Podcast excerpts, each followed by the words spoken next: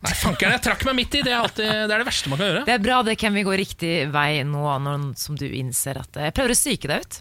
For jeg ser du Nemlig, stiller på meg idet jeg skal ja. ta podkastintroen. og da blir det litt sånn som når man står på tieren, Mm. og så tenker man 'jeg går for svalestup'. Og så idet du hiver deg ut, så skjønner du 'nei, vet du hva, dette går ikke', og så lander du på ræva. Ja, blir det bestefall reka, liksom. Ja, bestefall reka. Hva med pa-pa-pa-pa-pod? Podcast. Kunne det vært noe? Det var ålreit. Det var litt sensuelt, syns jeg. jeg. Litt gulpete og litt sensuelt. Ja. Eh, vi pleier jo å prøve å komme med noe eksklusiv info i podkasten som vi ikke sier på sending, eh, sånn til podkastlytterne, fordi vi liker dem Ja, nå kan vi røpe vi liker dere best. Ja, liker vi deg gjør best. jo ja, det. gjør det. Vi gjør det. Det er jo en eksklusiv gjeng Mm. som, eh, som gidder å høre på oss. Ja, og som liksom- frivillig, sånn ekstra frivillig. Har gått og lasta ned, og som ikke bare har snubla over det. på en måte Ja. Er det noe fra ultralyden du ikke har fortalt? Gråt Emil, eller er det noe grums der? Som Han kan pleier å Det er jo veldig søt grums. Da. Han, eh, han er en lettrørt mann, jeg kan innrømme det. Nei, men eh, ingen grining i går, for vi har vært på, faktisk, vi har vært på et par ultralyder før, og da var det litt mer emosjonelt. Ja. Nå er det litt sånn Nei, men der er han jo! Ja. Ah, ja, det er jo en gutt, da. Han har blitt litt mer kjent mann nå. på en måte liksom. Litt, litt mer kjent mann, og vi så jo da pung eh, og penis for første gang i går, og det må jeg faktisk innrømme var veldig stas. Å se pung og penis. Ja, for jeg er vanligvis ikke noen fan av pung, men pungen var veldig søt. Ja. Det er litt eksklusivt. Ja, Eller ja, det vil egentlig ikke, men, Jo, jeg vil si at du syns din egen babys pung er søt, syns jeg er eksklusivt ja, innhold. men den, den var det. Det starter jo veldig søtt, og så blir jo pungen bare gradvis eh, Ja. mer og mer gross. Min pung er helt grotesk. Ja, ja, Helt er, eh, totalt grotesk. Ikke at folk skal Det se var eksklusivt. Ja, det er For eksempel, Ken, av din pung. Altså en beskrivelse av Det er jo en egen aldersgreie som jeg husker ikke. Jeg lurer på om dette er noe jeg så i eh, den danske sitcomen Klovn. Ja. Eh, hvor de driver og snakker om at man kommer til et punkt når man blir eldre. Jeg må bare si at jeg har ikke kommet dit ennå, men Nei. det kommer. Hvor, eh, hvor ballene er lengre enn penis. Og det er en sånn ja. egen sånn Ok, da, nå har du blitt Hva heter det? Et eller annet sånn herre The Switch? Ja, The Switch, ja! The Switch, De kaller det The Switch. Jeg har lest meg opp på gutteting på internett. Ja. For jeg skal få en gutt. For da skjønner man å nei, nå er jeg middelaldrende, eh, om vel så det. Eh, Nå har altså pungen blitt lengre enn min egen penis. Det er The Switch. Men syns du det var eh, creepy å se det verste Eller det mest creepy på ultralyd, syns jeg, eh, var å se ryggrad. Fordi det ryggrad er så Altså Man snakker jo om at det føles som man har en alien i magen. Og hvis alle som har sett Alien, eller Aliens, eller Alien Ja. versus Predator, eller hva som helst innen den uh, serien der, så er det jo ryggraden på en baby. Da ligner det altså så mye på uh, fostrene til sjølveste alien når de kommer ut. Så er det i all hovedstad ryggrad, små armer og ben og et stort hode. Og det, det er et foster. Ja, det, det syns jeg er ekkelt, er når de da ser gjennom, gjennom hodet. Mm. Ja, nå går vi gjennom tre lag av babyt, eh, babyens hjerne, da. Og ned til ryggraden. Så det, det er litt sånn elementer av sånn dinosaurbaby som ikke er søtt. Ja, det Eller litt på den der Ida, den lille dinosaurskjelettet som de fant opp Ja. på Island. eller hvor det var også. Men det er jo klart at eh, babyen min er jo den vakreste eh, som har vært Kanskje ikke historien helt da, ennå, men- men- Siri sine barn. ja, snart, snart er den nok veldig vakker. Ja. Smellvakker, tror jeg den Ja, er snart. Alright, det er bare å kose seg med podkast. Det blir jo frastøtningstips fra meg, blant annet. Mm. Eh, Noe annet dere vil trekke fram? Du har jo Siris lydrebus. Ja, den er ikke så verst, den. Nei, den er god, den. Ja, det var litt vanskelig, men den er god, den. Her er det bare å kose seg. Vel bekomme. Morgen på Radio 1. God uh, morgen. God morgen, Samantha. God morgen. God morgen, Siri. God morgen. Sånn har dere det i dag, da? Jeg fikk en liten, uh, en liten peak her nå med den Britney-låta. Ja. Jeg var jo på konsert med Britney for eh, to uker siden. Er det det det har blitt? Ja, hva syns du om den konserten? Uh, nei, jeg fikk, jeg fikk nesten lyst til å skrive en kronikk etter Ja, den konserten. For jeg hadde litt lyst til å støtte Ikke støtte Britney Spears, hun har det sikkert helt greit. Men uh, jeg synes synd på henne å få terningkast én i alle land hun besøker. Ja. Fordi Det virker som de savner at hun synger live. Og jeg skjønner at Det er mange gode artister som, som, synger, som klarer å levere på alle plan. Som skriver sin egen musikk og som synger live. og sånn Det gjør ikke Britney. Det har hun aldri gjort. Jeg tror Hvis jeg skulle ha sittet på Telenor Arena i en uh, god time og hørt Britney Spears synge live, da hadde jeg trilla terningkast én. Ja, det er jeg ganske sikker Britney-fan, tror jeg. Nei, det hadde jeg ikke gjort. Og jeg, bare, jeg priser meg lykkelig for at det Ja. lille, bitte lille mest For de få gangene man skrudde på mikrofonen hennes, hun fikk muligheten til å si den, så var det sånn Hello! Jeg tenkte sånn, Gud, du må ikke synge med den stemmen der, da Å, dør herregud. sjela mi. Men er, pleide hun heller ikke å synge selv i- på sine yngre dager? Jo, men jeg tror hun bruker mye Playback. tid i studio. Ja, ja, Det er veldig, ja. var veldig mye playback. ja. Så hun sang til sin egen stemme, på en måte. Fordi Altså, hun er jeg- et produkt, en underholdningsartist. Hun er jo ikke en, eh, Men jeg en at musiker, det, liksom. nei, nei, men jeg skjønner at det emosjonelle i veldig mange syns det er litt irriterende at Britney Spears får terningkast én rundt omkring, men så er det ikke et eller annet med hvis man faktisk skal være en seriøs anmelder Altså, Så du hvor mye penger hun tjente i fjor? Jeg tror ikke hun bryr seg puck. Nei, nei, Og nei, for nei, nei. andre så tror jeg ikke hun er i en mental tilstand som tilsier at hun kan forstå Altså, hun, hun er så langt fra det, da. Hvis det er noen som har sett Britney Spears sin Instagram-profil, så skjønner man hva jeg snakker om. Hun leser ikke Hun er ikke for helt. Nei. Nei. Nei, jeg bare tenker at det, det, går, det går liksom ikke an å gi noe bedre enn en hvis man har en artist som verken synger selv eller klarer å bevege seg. Så er det liksom Hun er kjempeflink til å bevege seg! nei, nei, nei, nei, nei, nei. Absolutt utrolig god til å bevege seg. Hun klarer jo så vidt å løfte armene sine. Da må, har du ikke sett showet? Hun danset jo i en og en halv time. Det er jo eh, Eh, underverk å se på. Er du, mener du at det er dansing? For det, da danser jeg også, og det er jo greit å At vite. da vil jeg gjerne at vi to skal gå ut på byen sammen i dag, hvis Vi du danser som. Britney Spears. på ballroom. Tenk at Britney engasjerer såpass mye fortsatt. Voksne folk som Ja, det sitter er og spiller på deilig. morgenen. Det er så deilig. Ja, det er veldig, veldig Ja, men jeg mener at Musikkanmelderne de må eh, anmelde produktet, ikke bare musikeren. Kan ikke sammenligne med Beyoncé eller Sigrid. Eller, altså, Nei. Hun er et produkt. Ja, det begynner er etter hvert å bli sånn Du kan ikke sammenligne med noe, uh, egentlig. Vi har fått en eh, melding fra Magnus eh, i Bodø. Han er eh, sjåfør. Han vet ikke hva slags sjåfør han er, men han skal ut og kjøre i hvert fall, og skal høre på oss. Ja. Så sier vi bare god, Mag eh, god, god Magnus. Ja, god, Magnus. god Magnus. God morgen til deg, Magnus. God kjøretur. Hvis du har lyst til å eh, sende oss en liten morgenhilsen, så setter vi veldig veldig pris på det. Vi, får, vi blir glade, vi får energi av det. Ikke for mye energi, ikke sånn slitsom energi, men Nei. sånn akkurat passe energi. Ja. Så gå inn på Facebook, radio1.no, eh, og gjør for all del det. Hva er det som skjer der ute i Norge? Da? Er det noen som eh, ser noen spennende Du, ting på forsiden av har? Fedrelandsvennene foran meg. Der står det om kvinner og jakt. Aldri før har det vært eh, flere kvinner på jakt. Mhm. Sikter mot 20% kvinner. Det er jo likevel eh, ganske heftig mannsdominans i jegerregisteret. Ja. Men det er flere og flere kvinner som tar jegerprøven og kommer seg ut på lovlig vis. Står det hva slags type jakt det er? Er det småvilt? Er det elg, eller hva er det for noe? Det er så ut som storvilt, men jeg, jeg Ja. aner ikke. Jeg har jegerprøven, jeg bare nevner Ja, Ja, for Det jeg ser er mine faktisk for venninner at også, du- faktisk. Ja, Veldig sånn populært blant uh, vennegjengen. Er det det, ja? Jeg har ikke tatt jegerprøven. Jeg har vært på rypejakt da, med kjæresten min, men det er liksom i regi av noen andre. Så jeg har skutt Ja. og sånn, men det, det er jo egentlig ikke lov å gå ut alene da, hvis du ikke har jegerprøven. Nei, det er helt sant. Det er veldig gøy, gøy prøve å ta. Jeg ser faktisk for meg deg som en ganske habil jeger. av en eller annen grunn, Siri. Jeg vet ikke hva det sier om deg. Men, jeg blir eh, veldig glad for det. ja, det tror jeg det burde bli. Jeg sitter med Nasjonen foran meg, hvor det står at Landbruksdirektoratet venter 15 ganger flere søknader om erstatning enn normalt etter at det har vært så tørt i år. Og Målet er da å utbetale disse erstatningene innen utgangen av året. 12 000 skadekrav er venta ja. fra bønder. Fra bønder, ja. De har jo slitt i sommer. Ja, stakkars. Bladet, som er lokalavis for Malvik, Meråker og Stjørdal, som jeg liker at bare heter Bladet. Ja, det er Eh, enkelt. Ja, veldig greit. Eh, De har eh, saken på forsiden 'Kjørte traktor i to måneder'. Svein Kirkenes og Gråtassen brukte to måneder og ti dager på å kjøre tur-retur Kirkenes i traktor. Ja. Det er litt ålreit, da. Jeg er litt overrasket over forsiden i dag, for jeg var sikker på at de skulle være fulle av eh, Trump-nyheter eller flynyheter. For jeg bare i går eh, så var det jo eh, to store flysaker. Et jagerfly som datt ned, og et fly som sleit med å lande, og inni der var Post Malone. Ja. Men ingen av disse tingene er nevnt på landets største aviser. Verken Aftenposten, VG eller Dagbladet fokuserer på det. De er opptatt av Jensen-saken og gjengkriminalitet. Jeg er litt fornøyd med at den Post Malone-saken ikke er på forsidene, for den var, det var en fillesak.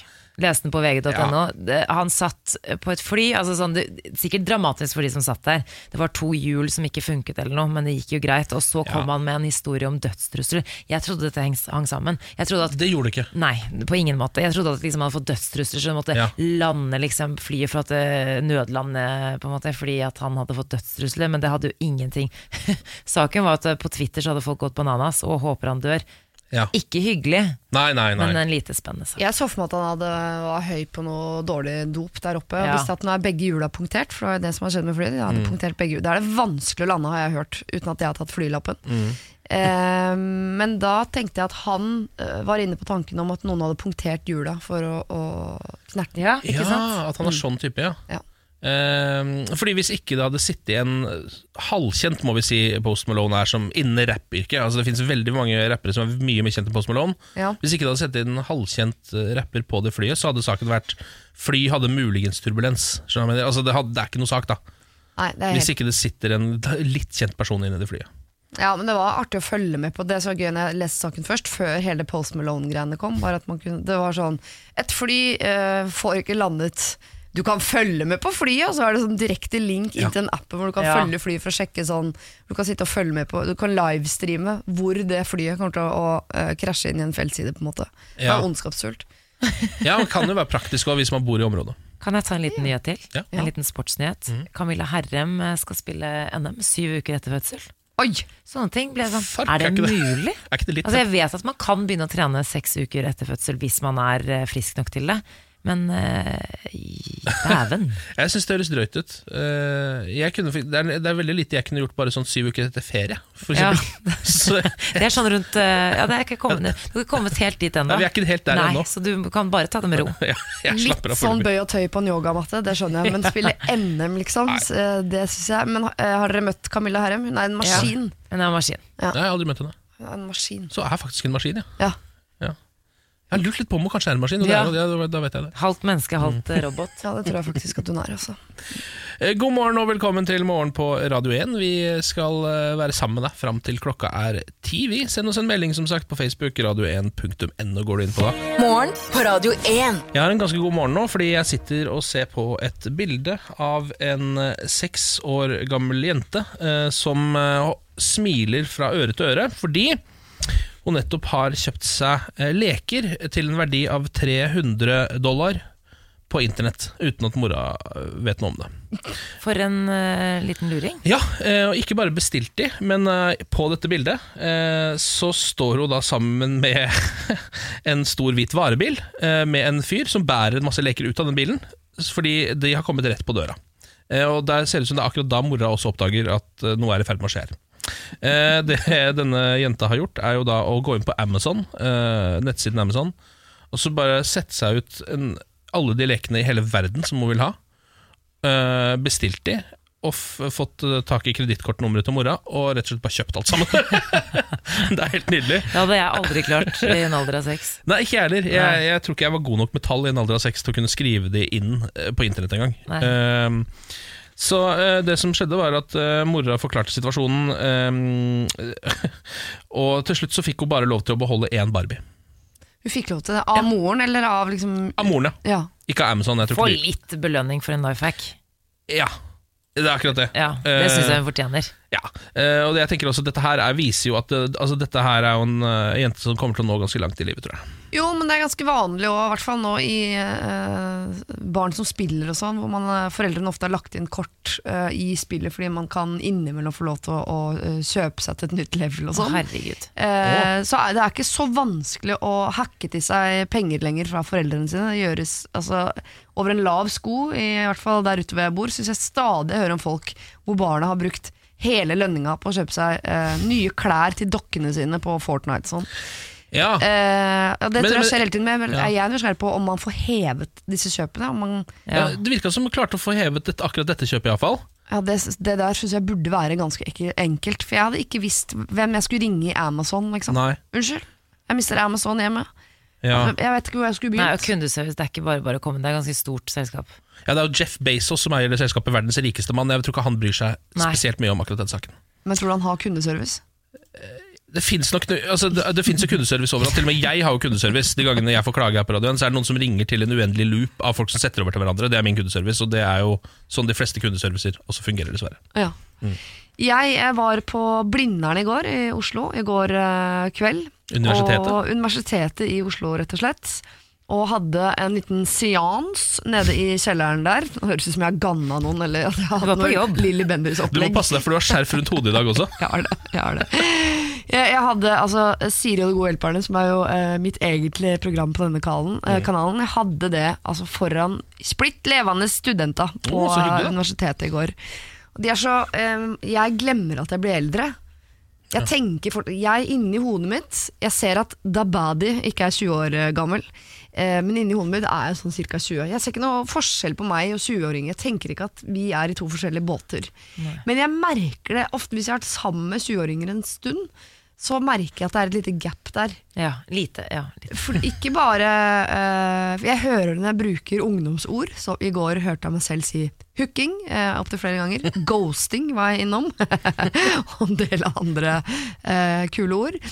Uh, og det er naturlig for meg å si det, men jeg merker når jeg sier det foran den gruppa som, som skal bruke disse ordene, så føler jeg meg så uh, Altså, da rykker jeg opp til 60.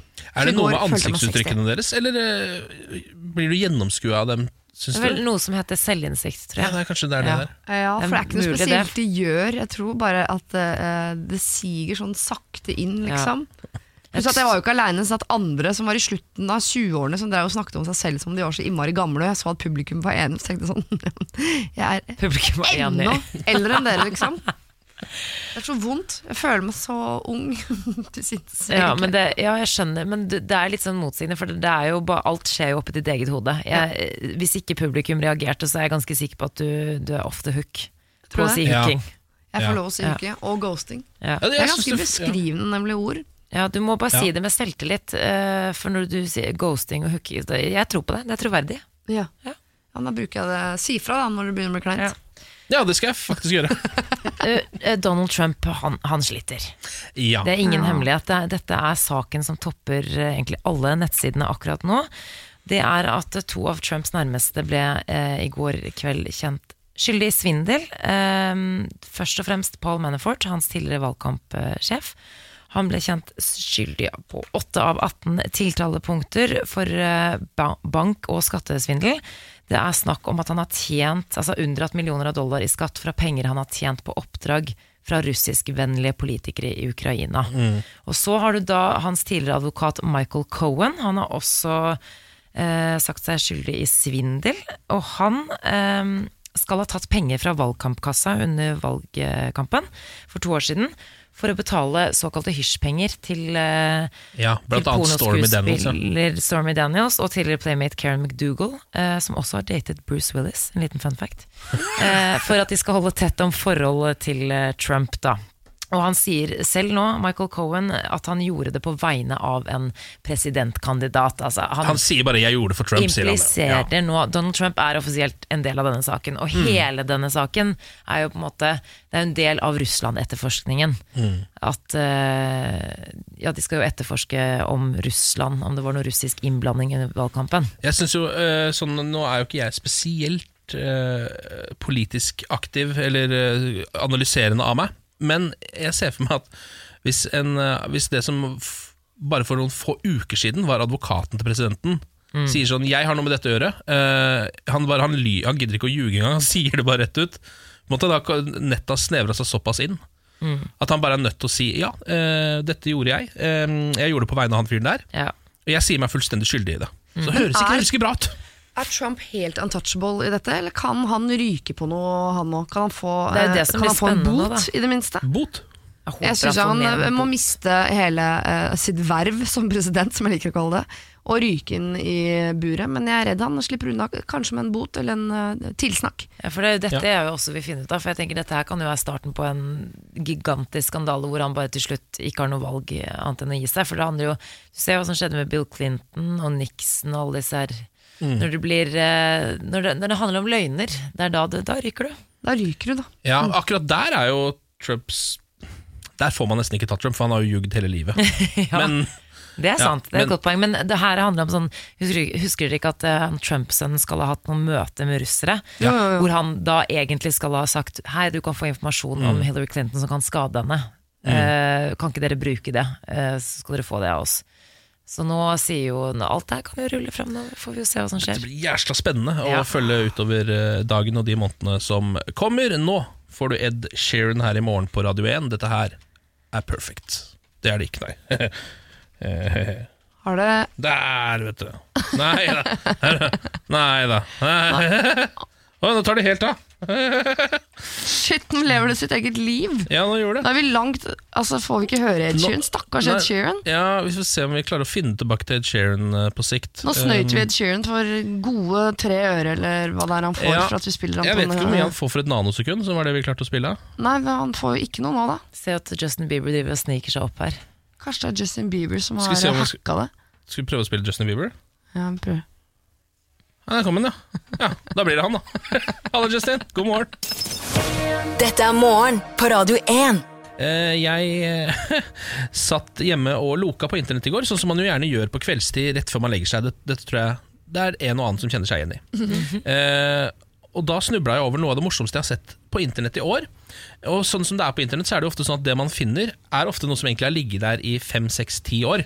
Ja. Men som man bare først har funnet nå. Fordi ting har en tendens til å dykke litt ned i dypet. Og så hvert uh, andre-tredje år så dukker det opp igjen. Kommer det liksom opp til overflaten igjen, folk begynner å sende, husker dere denne, osv. Er det dyr involvert? Det er dessverre ikke dyr involvert, det er kjendiser. Oh, ja. Eller én kjendis. Det handler om P. Diddy. Eh, altså Sean Puffy Combs. Eh, denne hiphop-produsenten. Eh, Tidligere kjent som Puff Daddy. ja, tidligere kjent som Puff Men Daddy. så plutselig ble det P. Diddy. Og så ble det P. Diddy, eh, og så begynte han å kalle seg bare Sean Combs. Og det er der vi, akkurat det momentet vi skal inn. Fordi det som da skjer, er at eh, eh, Diddy slutt, så vil slutte å kalle seg Diddy, og vil da få tilbake Twitter-navnet Sean Combs, som er hans egentlige navn, fra en fyr som heter Sean og selger kammer, altså Combs. Så han har da bedriften Sean's Combs, eh, og sitter da på Twitter-adressen Sean Combs. Her er en liten utveksling mellom de to, som er ganske gøy. Diddy. Hey man, I'm no longer going by Diddy anymore, so I would like to please get this Twitter handle from you. Altså dette Twitter-navnet fra deg. Sean's Combs sier tilbake, fuck you.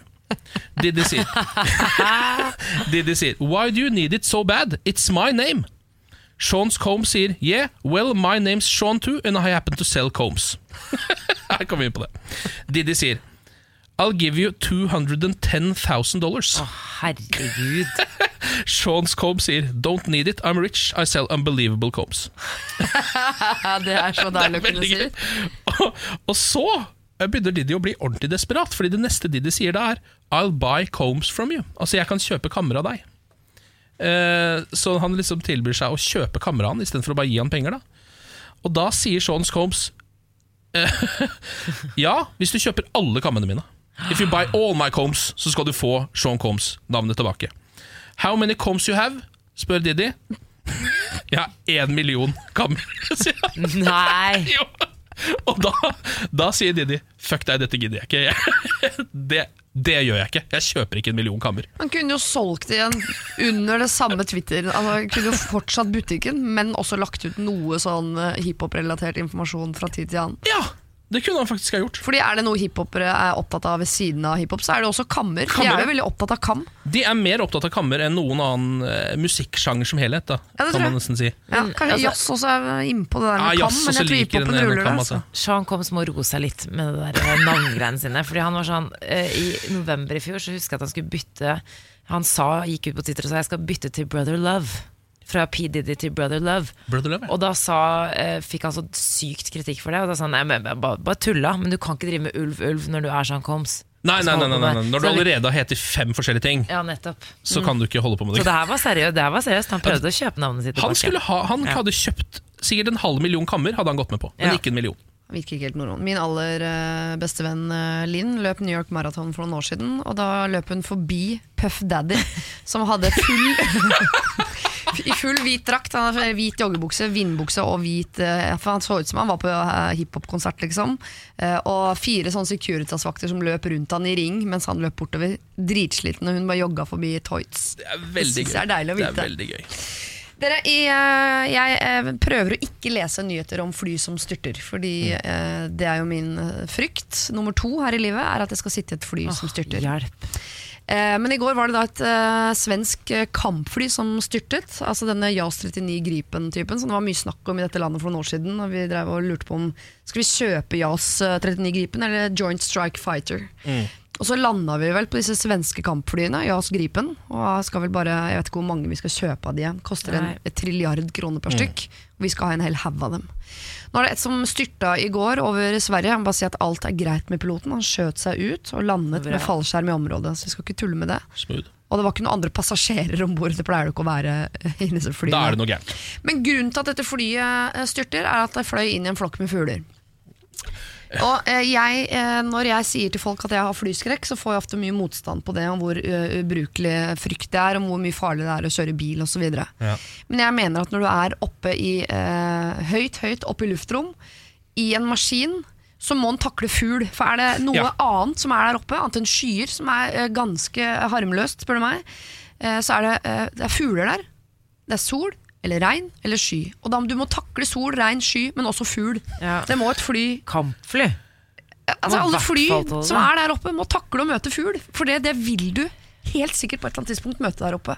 Men var det ikke det flyet som uh, han der helten klarte å lande i Hudson River i New York? Var Ja. ikke det også en Fly og eh, motoren, ja. Var ikke det? Ja, det var fugl. Ja. Men Ja. hva i svarte faen Jeg har så flyskrekk. Jeg blir så sint når jeg ser sånn. For jeg blir jo Men folk må og si at slutte å si nettopp Folk må slutte å si at det er eh, Ja, men det er liksom Nei, hvis en flokk fugler kan fly et kampfly som skal redde oss fra tredje Det verdenskrig, skal så tåle kan det jo bomber, det flyet Ja. her, Men tåler ikke ja. Ken, kom med noen trøstende Eh, ord. Her har jeg ikke noe.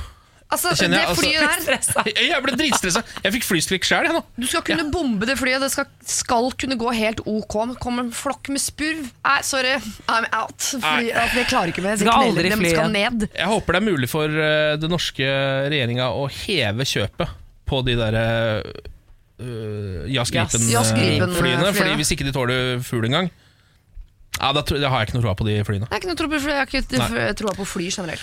Nei, nei ikke sant. Ah, nei, det der var ikke gode nyheter, Siri. Morgen på Radio 1. Hverdager fra seks.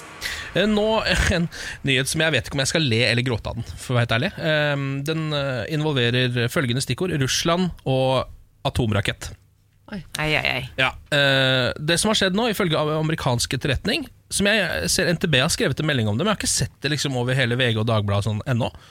Eh, men det er at um, Russland har mista en atomrakett rett nord for Norge, altså i Barentshavet. Har de mistet i anførselstegn?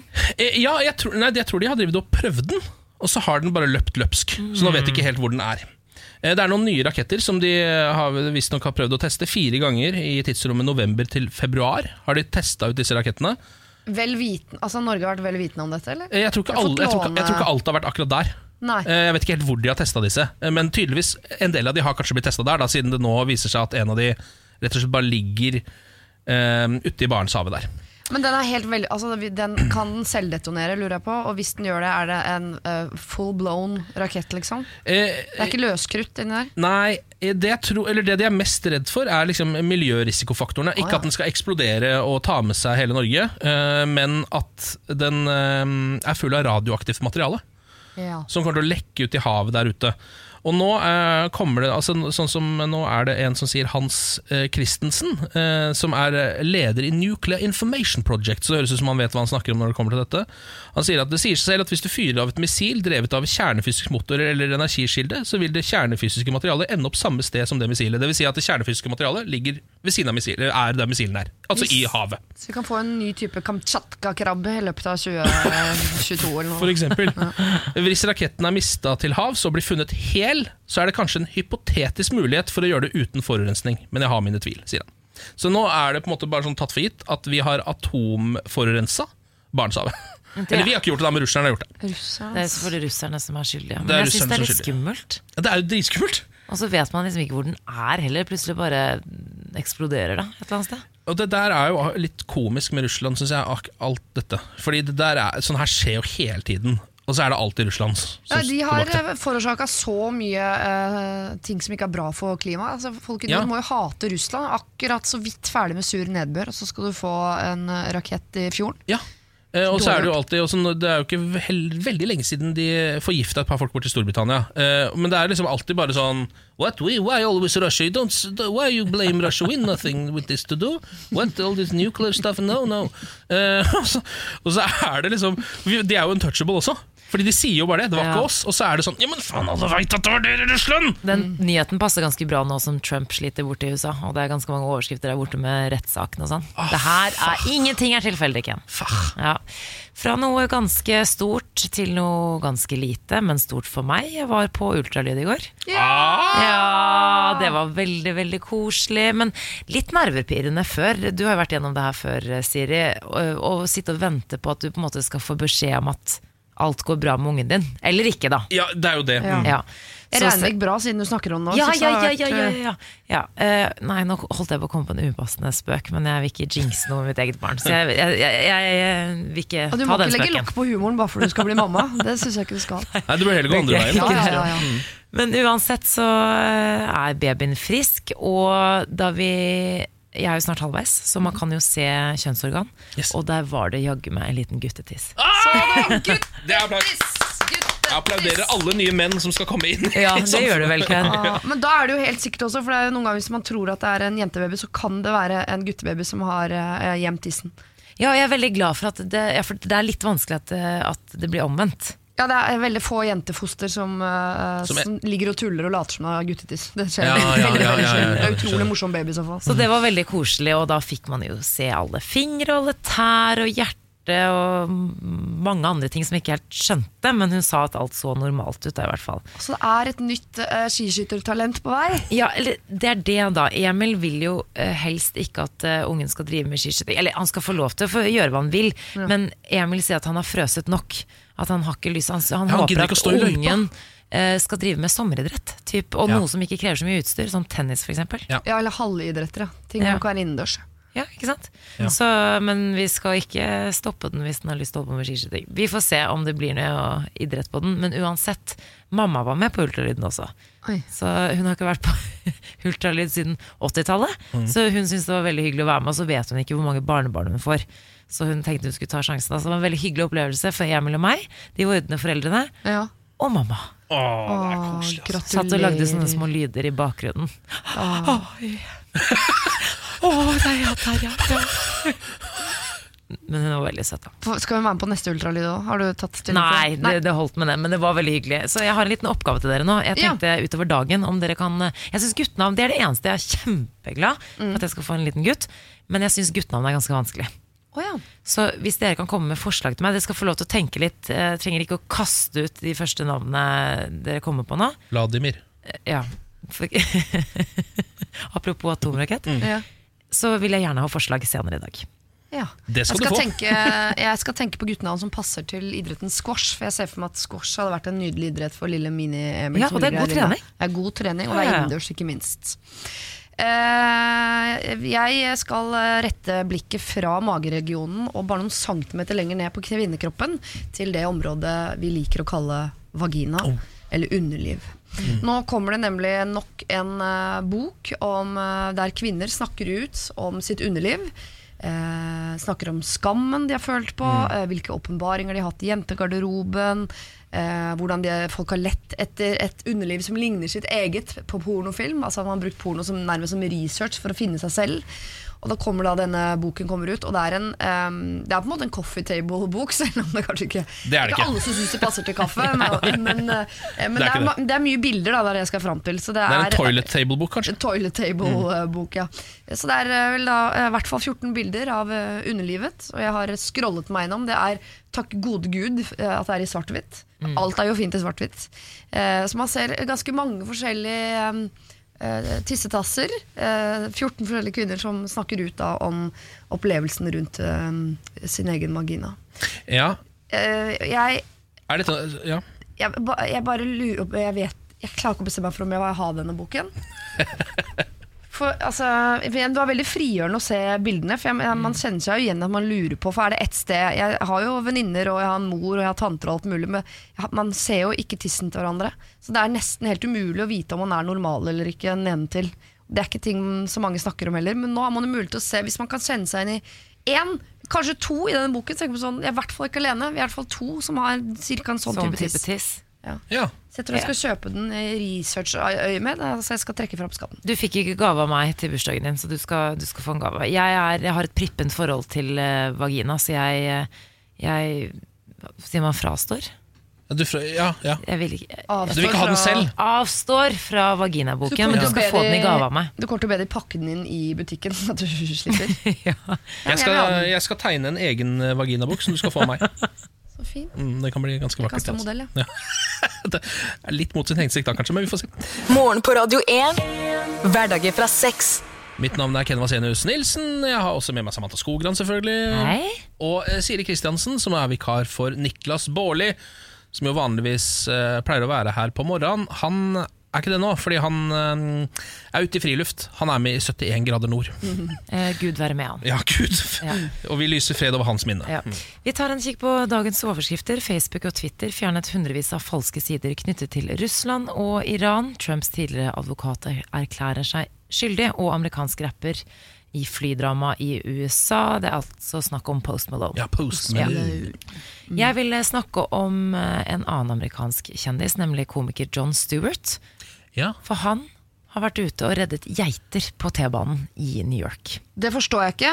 La meg se. Hvorfor John ikke, Stewart har vært ute og redda geiter. Er det geiter På på T-banen? Og i New hvorfor måtte han redde de? Var de i fare? Jeg Ja, trenger nå skal masse informasjon. Nå skal du høre. To geiter som hadde forvillet seg inn på undergrunnsbanen i Brooklyn i New York, ble i går reddet av ko- Det går ikke. komiker John Stewart og fraktet i sikkerhet. Jo, vi ble fortalt at de gomlet på gress, sier John Weinstein, talsmann for undergrunnsbanens operatørselskap. Eh, Ansatte på et av T-banetogene sammen med politi klarte å drive sammen de hvite og brune geitene inn på et avsperret spor, og der ble de bedøvet. Tilfeldighetene ville ha det til at komiker John Stewart, eh, kjent som talkshow-vert for The Daily Show, og hans kone Tracy var på rett sted til rett tid. Paret, som er kjente dyrevernsaktivister, bisto med å frakte geitene til Dyrevernsforeningen i New York. Dette høres ut som et eh, komplott. For altså, eh, for, eh, det er greit at eh, to geiter noen gang forviller seg fra bingen sin og ut på jordet. Men til Brooklyn? Er det gått fra Ja, eh. Sveits og ned, eller hva? Ja, min teori, Skal jeg komme med den før du sier hva som har ja, gjøre. Eh, Fordi eh, jeg tror John Stewart, som jo nå på en måte er ferdig med TV-karrieren sin delvis, Mhm. og har blitt med, tydeligvis mer sånn dyrevernsaktivist, er det han er kjent for å være nå. Ja. Jeg tror han har fått noen til å plante de geitene det på hans T-banerute i New York, så han kan gå ut og late som han redder dem mens folk tar bilde med iPhonen sin. Kynismen rår i dette programmet her. Herregud. Kan jeg komme med min teori, hvis du har fasiten? Ok, jeg har svaret, så du må bare komme med din teori først. For denne filmen har jeg sett, men da var den animert. Den heter Madagaskar. Jeg tror det er eh, den første filmen hvor de tar T-bane eh, fra dyrehagen og ender opp i Madagaskar. Er du sikker på at filmen ikke het Billy and Willy? For det er den de har fått navnene navnet Billy and Willy. Ja, jeg geitene. Ja. Jeg lurer på om De skal nemlig lage en eh, remake av Madagaskar 1, men med ekte dyr. Ja. Teorien er at det fins flere slaktehus i nærheten som har hatt rømninger tidligere. Ah, oh ja. Så da har de kanskje eh, ja, holdt på å si, flyktet fra et slaktehus. Og der var John Der, og der har dere dårlig samvittighet, vær så god. Eh, du ba oss tenke litt på guttenavn til eh, babyen du har inni magen din, eh, Samantha. Jeg skal få en gutt! Ja, det er så gøy! Og eh, vi har nå tenkt i noen minutter, eh, og eh, Harry er det navnet som har navnedag i dag. Derfor så vil jeg bare innom Harry som et eh, mulig navn til babyen. Kan man si Harry? Ja, fordi akkurat det navnet er mye kulere på engelsk. Da har du jo eh, altså Prince Harry, Harry Styles, Harry Kane. Oi, mange fine Harry. Jeg personlig liker eh, prinsen Ja. best. Ja. Han syns jeg er veldig kjekk. Men det er jo en grunn til at vi ikke sier prins Harry, for det høres jo Ja, Harry Hole. Ja, Harry, ikke sant, det nei, høres ikke nei, ut. nei. Jo, men noen må på en måte eh, reise det navnet igjen, for nå har Harry blitt, blitt brukt som et eh, uttrykk i Norge i så mange år. Så Ja. det, eh, navnet Harry har mistet sin glans. Ja, det er sant. og du og Emil mener jeg er de rette menneskene til å bringe Harry fram i lyset igjen Du som et mener OK at navn. Harry Svendsen skal bli et kult navn igjen? Eller sånn, Det er det som skal få Harry til å bli kult igjen? Nei, Harry Skogran syns jeg klinger mye bedre. Da. Ja, Harry Svendsen klinger bedre. det er ikke noe tvil om det. Ok, takk for forslaget. Ja. Eh, kan jeg bare hive Sandor og Edvin oppi balja også, så kan du jobbe Edvin? litt med ja. Ja, Den syns jeg faktisk ikke er så dum. Nei, Nei. den er ikke dum, den. Nei. Sandor. Nei. Sandor det er ungarsk. Høres ut som noe fra Ringenes herre. ass. Mordor. Mordor kan du også kalle det. Morgen på Radio 1. Du, Vi setter veldig stor pris på om du har lyst til å sende oss en melding og si hva du holder på med på morgenkvisten. Det har Fredrikke gjort. Hun skriver God morgen, Ken, Samantha og Siri. Store klemmer fra meg her i Asker. Eller om du bare vil gjøre som Fredrikke og sende en klem. Ja. Det syns jeg er veldig hyggelig. Ja, Vi klemmer tilbake. Jeg er jo fortsatt den beste klemmeren i redaksjonen. Det er du. Ja. Er du det? Ja, jeg er en veldig god klemmer, eh, fordi jeg har litt ekstra fettlag, Ja. som er bra. Um, og så har jeg også litt bamsete skjegg. Er det mykt? Det er ganske mykt, ja. Ja. Det er ikke stikket i det hele tatt. jeg skal ta så snike til meg en klem av deg. Vi har aldri klemt. Har vi aldri klemt? Men jeg tror ikke, ja. Nei, det tror ikke jeg heller. Du, La oss Siri, prøve det, da. du er jo eh, her Altså, vi, vi har jo litt sånn delt Du er jo her eh, som vikar for Niklas, men Mm. du har jo også et program på denne kanalen. Er mitt eget program, ja. Ditt eget program. Oh, oi, oi, oi. Siri og de gode hjelperne. Ja. Og der gir du eh, folket rett og slett hjelp og råd. Ja, jeg prøver jo på det da, hver eneste søndag klokka to. Så øh, hvis dere sier at dere er glad i at folk sender ting inn til dere, så skal jeg love deg at jeg er glad i at folk sender ting inn til meg. Så jeg, har, altså, jeg trenger jo å hjelpe folk. Og Du har basert hele programmet ditt på det. Definitivt. Så det hadde vært så tomt uh, uten. Eh, det problemet jeg har tatt med til dere i dag, eh, kommer fra en kvinne som velger å være anonym. Hvis det er enkelt for dere, så kan vi godt kalle henne for Harriet, som har navnedag i dag. I likhet med Harry. Er. Forrige uke traff jeg en eks. Jeg var sammen med han i to år, og jeg må dessverre innrømme at jeg knuste hjertet hans da jeg gikk fra han. Dette er nå ca. fem år siden. Men så traff jeg han i går, da, tilfeldig, og det var veldig, veldig hyggelig. Faktisk så hyggelig at han inviterte meg på fest. På denne festen vil det jo da antageligvis være mange gamle kjente, eh, som det hadde vært gøy å se igjen. Men jeg tipper jo samtidig at de er sure på meg fortsatt. Som om ikke det var nok, så vet jeg at det er en annen fyr som også skal på denne festen, som eh, i dette øyeblikk er forelsket i meg. Jeg liker ikke han. Jeg har likevel lyst til å gå på festen, men jeg klarer ikke å bestemme meg. Skal jeg gå? Ja. Her var det mange farlige miner, føler jeg. ja, det var det. I hvert fall to ganske ladde miner. Ja. Ehm, men eh, det hun tenker, er det at de i den vennekretsen der er forbanna fordi hun dumpa han, ikke sant? Eh, ja, om ikke forbanna Hun Eller tenker nok eh, ja. litt sånn som meg. At jeg tenker, hvis de støtter han, hvis de har valgt en side, liksom, så har du jo Ja. valgt hans side og ikke hennes, men på fem år. Ja, det, det, da tror jeg jo kanskje ja, tenker også å overvurdere litt hvor, eh, hvor eh, langsinte hva skal man si, folk er på sånne ting. Ja. På andres konflikter. For det er jo ikke din egen konflikt engang. Men det er en ubehagelig følelse å gå rundt før en fest og ikke vite om de som er på festen liker deg eller ikke. Da hadde Ja. jeg blitt ganske nervøs. Da hadde jeg måttet drikke meg opp. Ja. Ja. Om ikke de liker henne, så tror jeg nok heller at de vil synes at det er litt eh, kleint. At de tenker er du, hvordan skal vi forholde oss til deg? Hva gjør du her? Ja. Ja. For Men hun er jo nervøs for denne, antageligvis for denne fyren også, som plutselig vil ha henne på fest. Hun Mm. har knust hjertet hans for noen år siden, Ja. og nå vil han at hun skal komme på fest. all sunn fornuft tilsier vel at du, hun ikke skal dra på den festen. Men uh, jeg skjønner at hun har lyst. Det spørs jo, altså, er, er hun på en måte sånn, Liker hun han fyren litt igjen, eller? Er det, ligger det litt sånn inni her? Det Nei, gjør ikke det? nei jeg syns ikke det. Nei, hun skal på en måte bare dit bare som en venn. Ja, eh, Det vet jeg jo ikke, da, men eh, jeg tipper at hun tenker sånn Åh, det har gått fem år, vi er ferdig, så hyggelig. Vi har en normal samtale. Ja. Er, vi er så ferdige med at vi kan gå på fest sammen igjen. Ja. Og så kommer det en liten stemme sånn Eller? Ja, for jeg tenker også kanskje at de ikke er helt der ennå. At de egentlig kanskje ikke kan dra på fest sammen, men at de tydeligvis kan eh, henge litt på tomannshånd. Er det bedre at de er på tomannshånd? Er øh, da er vi jo tett opp mot det som kalles date. To mennesker sammen, det er en date.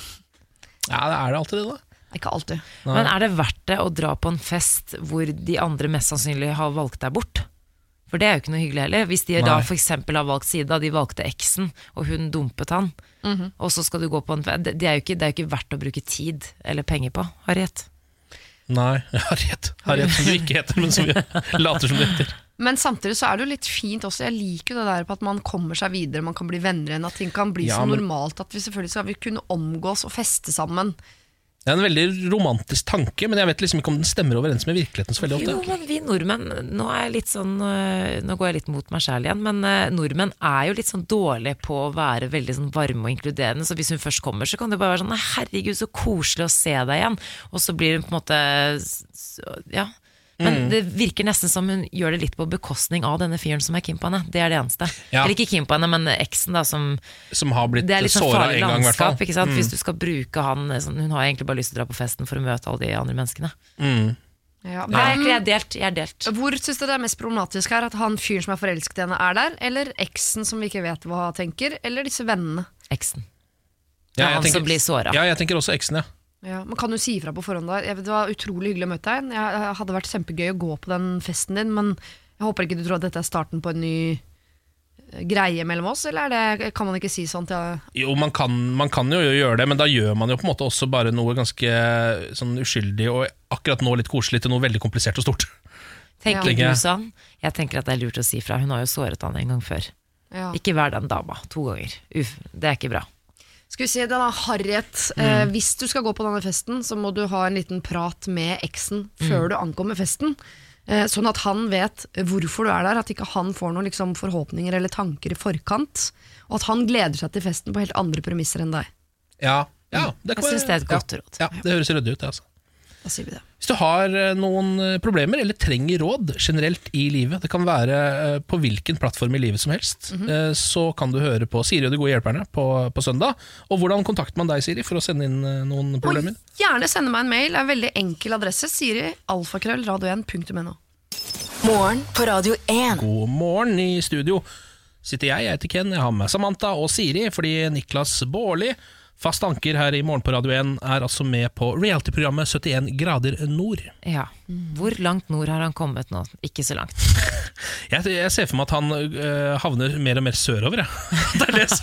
Han kan jo ikke kompass, så det, det her kan alt skje, tror jeg. Jeg tipper de er uh, Stavanger-ish. Jeg tror det. såpass, ja. Ja. Ja, ok, ja. Vestlandet er kommet. Jeg er så spent på hvordan det går med han. Hvis noen. Stavanger ser en gjeng i det som uh, ser ut som det er sånn uh, dissekeringsutstyr, grønne drakter, Ja. og en uh, ordentlig sliten fyr ti meter bak de ni andre, så send oss en melding. ja, og ta bilde av det, så Ja. vi får se rent, hvordan det går med Bårli rent fysisk. Ja. Nå har vi kommet til det øyeblikket i uka der jeg skal få skinne. Endelig, Ken! endelig. Og eh, lære alle som vil høre på, hvordan de skal holde seg single resten av livet. Er dere klare? Ja. Hele veien fra Moss i Østfold. Ta han vel imot. Frastøtningsartist Ken Vasenius Nilsen! Ja, hei, hei, hei, hei, hei. Ja, her var det fankeren meg pakka i dag. Så jæskla hyggelig at dere kunne komme, alle sammen. I dag skal det handle om eh, det å være wingman. ja. eh, innen frastøtning. Eh, wingman er jo noe som i sjekkeartistmiljøet, pickup artist-gjengen, der er wingmanen en som skal altså obstruere hindringene i miljøet. Som da oversatt fra douche betyr å snakke med de mindre attråverdige damene i lokalet, fordi at eh, sjekkeartisten skal snakke med den pene venninna deres. Så da må du på en måte obstruere, altså ta opp en samtale med de, sånn at ikke de snakker med den pene jenta. Skjønner du skjønner hva jeg mener? Ja. Ja. Det er wingmans hovedoppgave, og så øver man gjerne inn ulike rutiner sammen med sjekkeartisten for å få da sjekkeartisten til å framstå i et godt lys. Men den kunnskapen her vil jeg vel si er like essensiell som bruk, en, sånn, altså, en pam pamflett til rasshølet ditt. Fordi altså, dette her fikser naturen. Det Ja. går av seg sjøl, det greiene der. Jeg sitter jo med klare beviser på det her. En tobarnsmor og en gravid kvinne. Altså Naturen Ja. fikser jo dette. Det, man trenger ikke, noe, trenger ikke noe bøker for at dette skal gå eh, veien. Men å unngå hele reproduksjonsprosessen, altså bare pisse på egentlig hele evolusjonens kretsløp, sånn som jeg gjør, Ja. det er en egen kunst. Og jeg er Rembrandt, for å si det sånn. Eh, så i wingman, eh, wingmanen i frastøtningsmiljøet, helt andre oppgaver. Jeg har hatt stor suksess med mutt wingman. Altså en wingman som ikke sier et ord, bare står rett opp og ned ved siden av meg, mens jeg står og frastøter som gamle-Erik sjæl. Um, en av rutinene vi pleier å kjøre, jeg og wingmanen min, eh, kaller vi for Slenderman. Det går da ut på at uh, jeg stiller meg fire-fem meter unna et bord med jenter, og så står jeg rett opp og ned der og stirrer på dem. Begynner med det. Idet jeg ser at de har merka at jeg står og stirrer på dem, og de kjenner blikket mitt så å si bore seg inn i kroppen på dem, så sender jeg et hemmelig signal til min wingman, gjerne en SMS f.eks. Så kommer han da bort uten å si, si noen ting, steller seg opp rett ved siden av meg, og setter også blikket i dem. Oh, ja. Nå er vi to menn i 30-årene som står og stirrer på et bord fullt av jenter. Det kan funke. Og det er ikke noe som er mer, mer frastøtende enn det. Og Slenderman, det er en henvisning til en, eh, et monster, eller? Ja, det er en, eh, en, et slags internett urban legend okay. eh, om Slenderman som kommer og stirrer på deg, og da dør du. Litt sånn. Så det, er det, vi har tatt, det er det vi har tatt navnet på, men vi er ikke drapsmenn. bare så det er sagt Nei, Vi er bare, okay. vi er bare frastøtningsartister, begge to. Jeg har et spørsmål. Mm. Eh, er det essensielt at wingmanen også er frastøtningsartist, eller kan han eh, ha kone og barn på Ja, si? kan ha kone og barn på si. Okay. Man kan bruke vanlige mennesker så lenge personen kjenner oppgavene sine og klarer å være mutt. Ja, ok. Eh, en annen rutine jeg har stor, stor suksess med, er krypskytteren. Det går ut på at vi begge da går bort til en gruppe jenter. Nå har vi to stykk, begge, både jeg og wingman. Den mutte wingmanen min går bort til en, en gruppe jenter. Eh, wingmanen er helt mutt, som vanlig. Jeg plaprer i vei. Eh, Og fem-ti minutter, ikke 50, men fem til ti minutter da, ute i praten, så prikker wingmanen min brått en av jentene på skuldra. Hun snur seg mot ham. Han setter opp et stort glis og viser fram et veldig realistisk manipulert bilde av at jeg er i Afrika, stående med foten på hodet til en ihjelskutt uh, babyneshorn. Ja. Ja. Ja. Oi, gisp gjennom salen, Ja, ja, hørte du og, det? og det? Ja, ikke sant? Eh, det her skjønner man. Det, da, Det funker. Det funker veldig bra. Spesielt uten å si et ord. Bare stå og peke på det, og glise. Ja. Men det, eh, kan jeg bare komme med tips der til hvordan du kan bli enda mer frastøtende også? Er hvis du har solgt inn denne turen til Afrika allerede, at det er det du står og snakker om, som du har vært der nede, Ja! grave brønner og bygge skoler og sånn. Du prøver å bygge deg opp. Du merker at publikummet begynner å like deg. Ja. Til wingmanen kommer inn med dette frastøtende bildet, og du er tilbake på riktig spor igjen. Er du frastøtningsartist du også? Kunne vært. Hun er den faktisk. studenten under forelesningen som alltid rekker opp hånden og har Ja. tips til professoren. Ja. Du vil bare være flink, du, Siri. Du er veldig god professor. Jeg har noe innspill på hvordan vi gjør det i morgen. Men det er krypskytteren. Eh, Man kan også, man, eller jeg oppfordrer til at folk egentlig er litt kreative med bildene. De manipulerte bildene trenger ikke å være fra Afrika, trenger ikke å handle om krypskytting i det hele tatt. Det kan godt være noe helt annet. Bruk eh, kreativiteten din, som jeg pleier å si. Hvis du vil lære flere wingman-rutiner, så har jeg altså et eh, frastøtningsseminar om ikke så lenge. Det er på Samfunnshuset i Ørje, eh, fredag 14.9. 1499 per hode. Det har folk råd til, tenker jeg. Ja. Eh, og da får du med en eh, T-skjorte med bilde av meg på. Eh, og også en flaske av aftershaven Davidoff Cool Water. Åh, den er god! Den er god. Meld deg på! Meld deg på! Bare meld deg på. Morgen på Radio 1. God eh, morgen. Eh, Samantha, vi har fått inn noen eh, meldinger til deg her.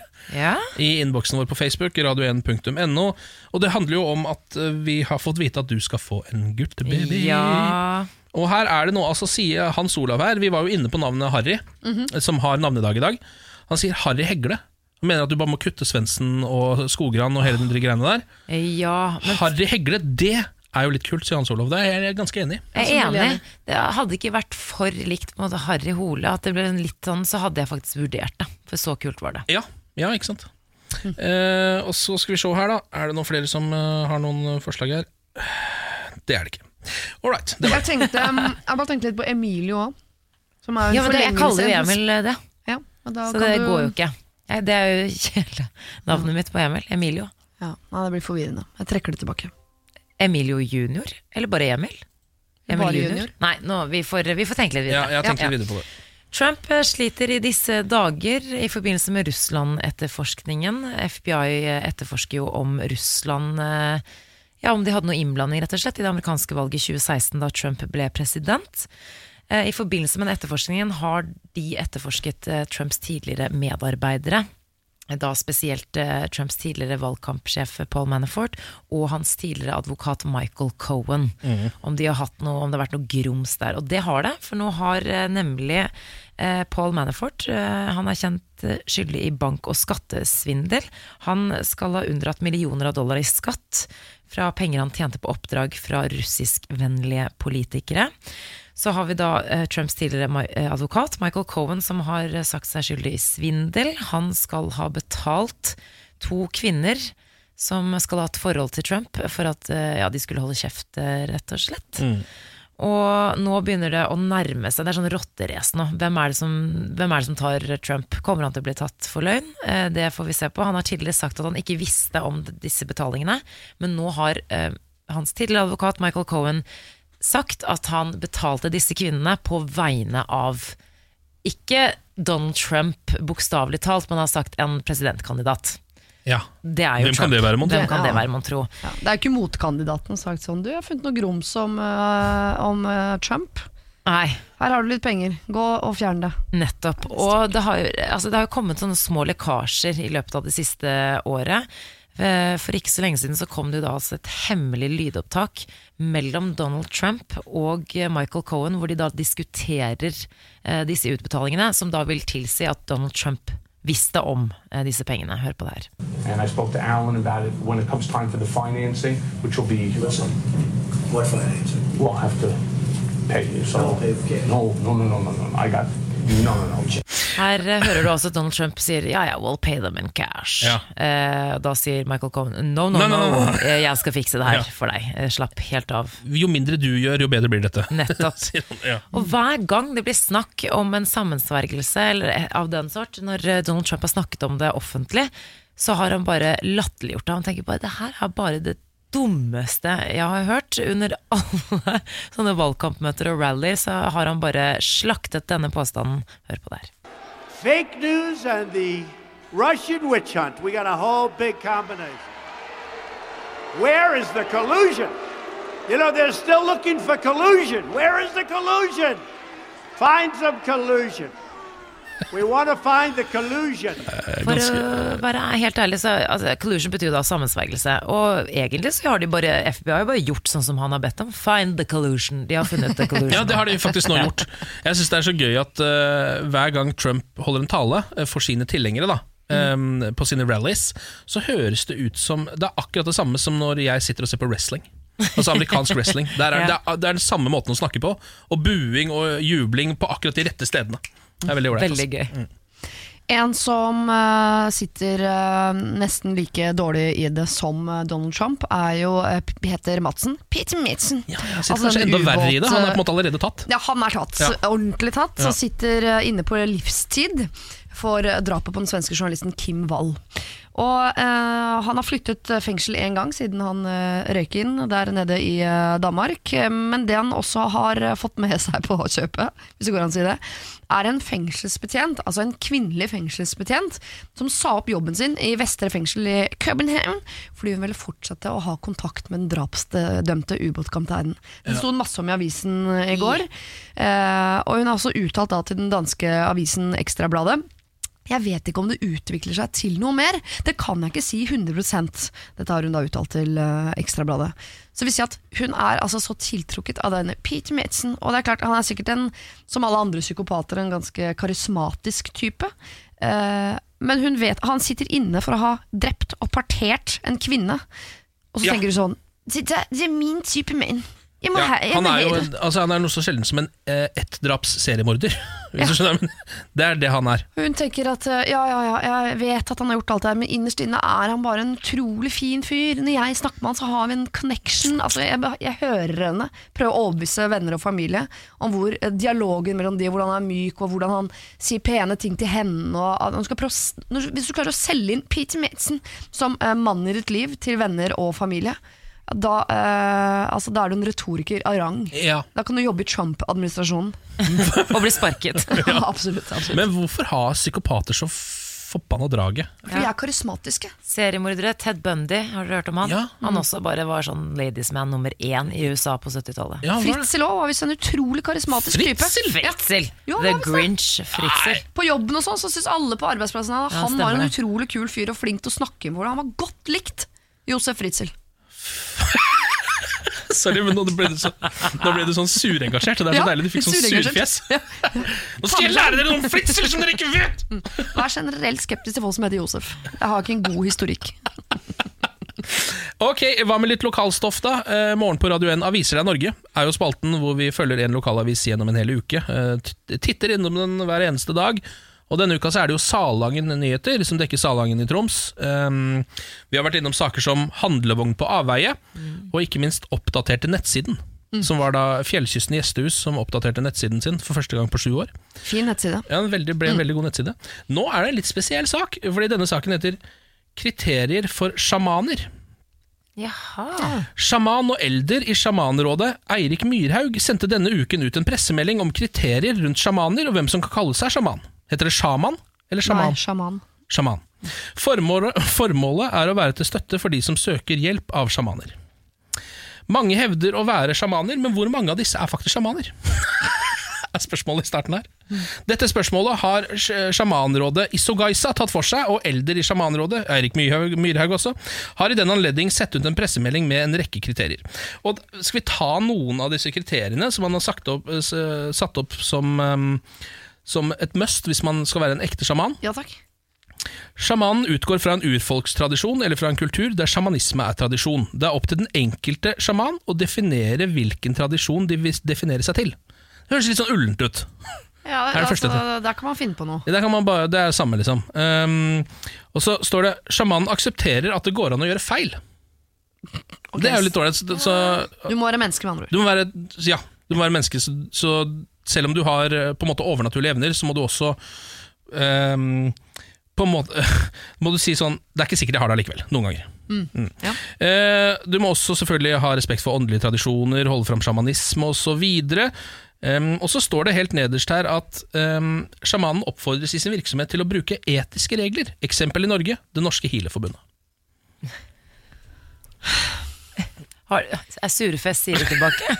Nei, bare sitter og lurer på om jeg er, en, er jeg en sjaman. Liksom. Altså, eh, kan man bli dømt for å, å ha sagt at man er sjaman, men så har man feila på noen av punktene? Er, har, Ja. er det et rettsvesen her? Nei, det tror jeg ikke. Eh, Men det kan jo hende at Sjamanforbundet blir sure på deg.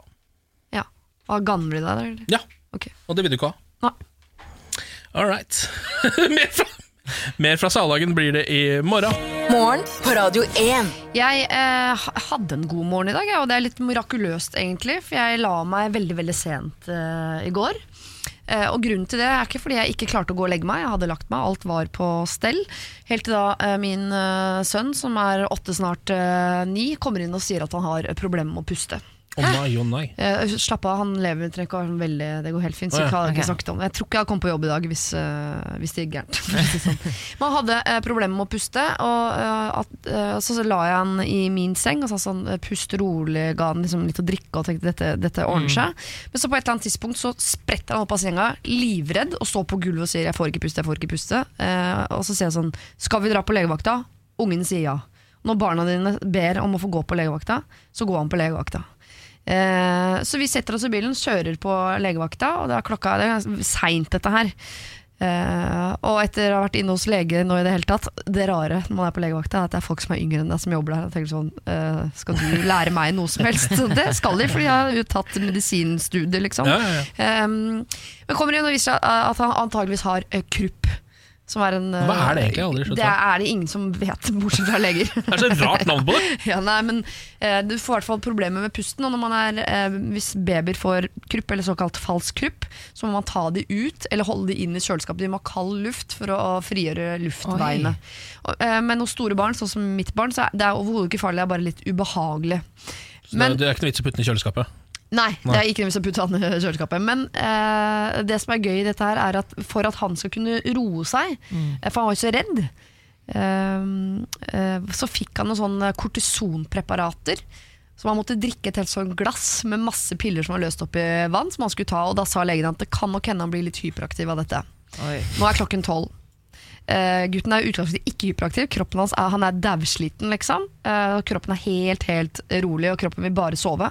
Men hodet blir hyperaktivt. Så i Nissan Leafen på vei hjem fra Moss legevakt klokken tolv i går kveld, så sitter det en utslitt liten unge som er hyperaktiv i hjernen, og da fikk jeg eh, da fikk jeg en forsmak på hvordan det kommer til å bli å se min sønn dritings om eh, åtte til ti år. Åtte til ti år fordi da snakket han fort og sammenhengende og lo. Han koste seg så mye. Sånn Se på meg, jeg har store ører! Jeg er en dverg! Jeg kan fly!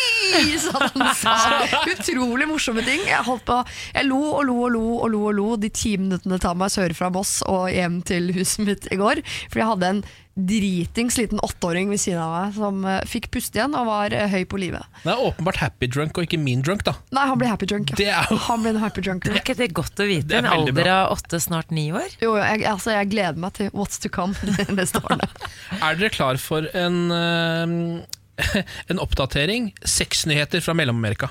Oi! Jeg Eh, har, sam okay, ja, jeg har samla sammen to nyheter fra Mellom-Amerika som begge handler om sex.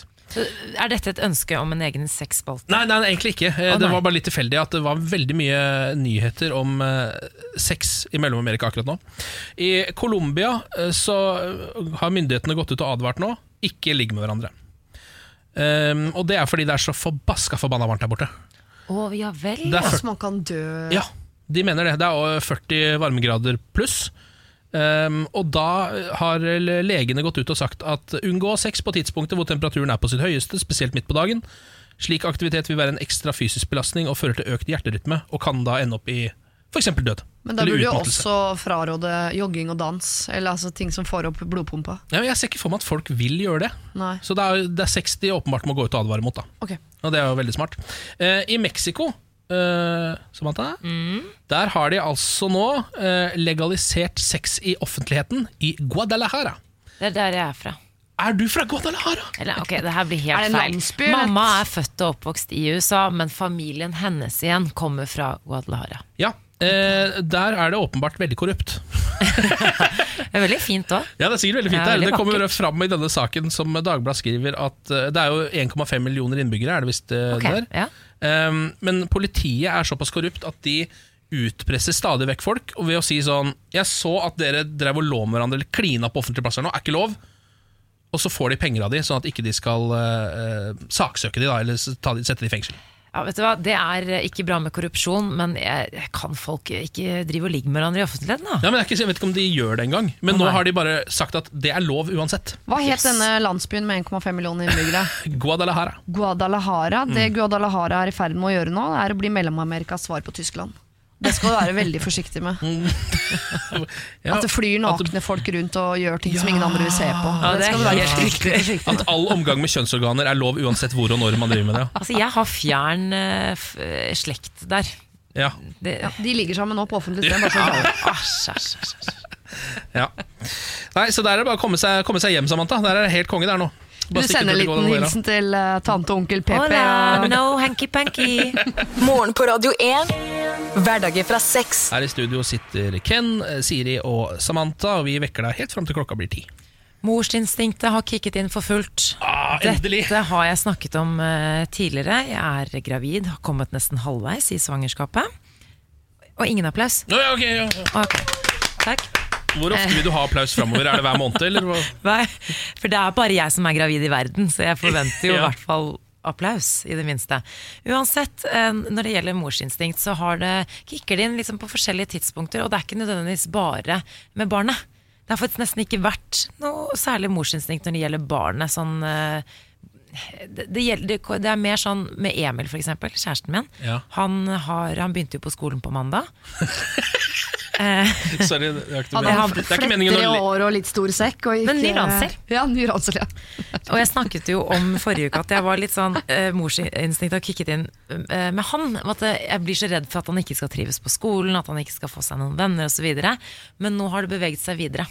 Over på eh, Niklas Baarli. Ja. Vår eh, programleder her, på si, morgenshowets ankermann, som ikke er her fordi han har pakket tursekken for å være med eh, i kampen om å bli Norges tøffeste kjendis. ja. Han er med på 71 grader nord, rett og slett. Det er helt riktig. Han har forvillet seg i de mørke skoger, ser jeg for meg i hvert fall. Eh, og Gud vet hvordan det går med han. Jeg, vi fikk et bitte lite livstegn. Han har ikke røpet øh, Han har jo ikke sagt noe om hva som har skjedd, men han har i hvert fall gitt oss et lite tegn på at han lever. Så jeg vet Ja. at han lever, så det er veldig fint. Jeg tror at han akkurat nå har våte sokker, eh, og så står han og stirrer på et kompass. Står og stirrer på Thomas Halsgaard.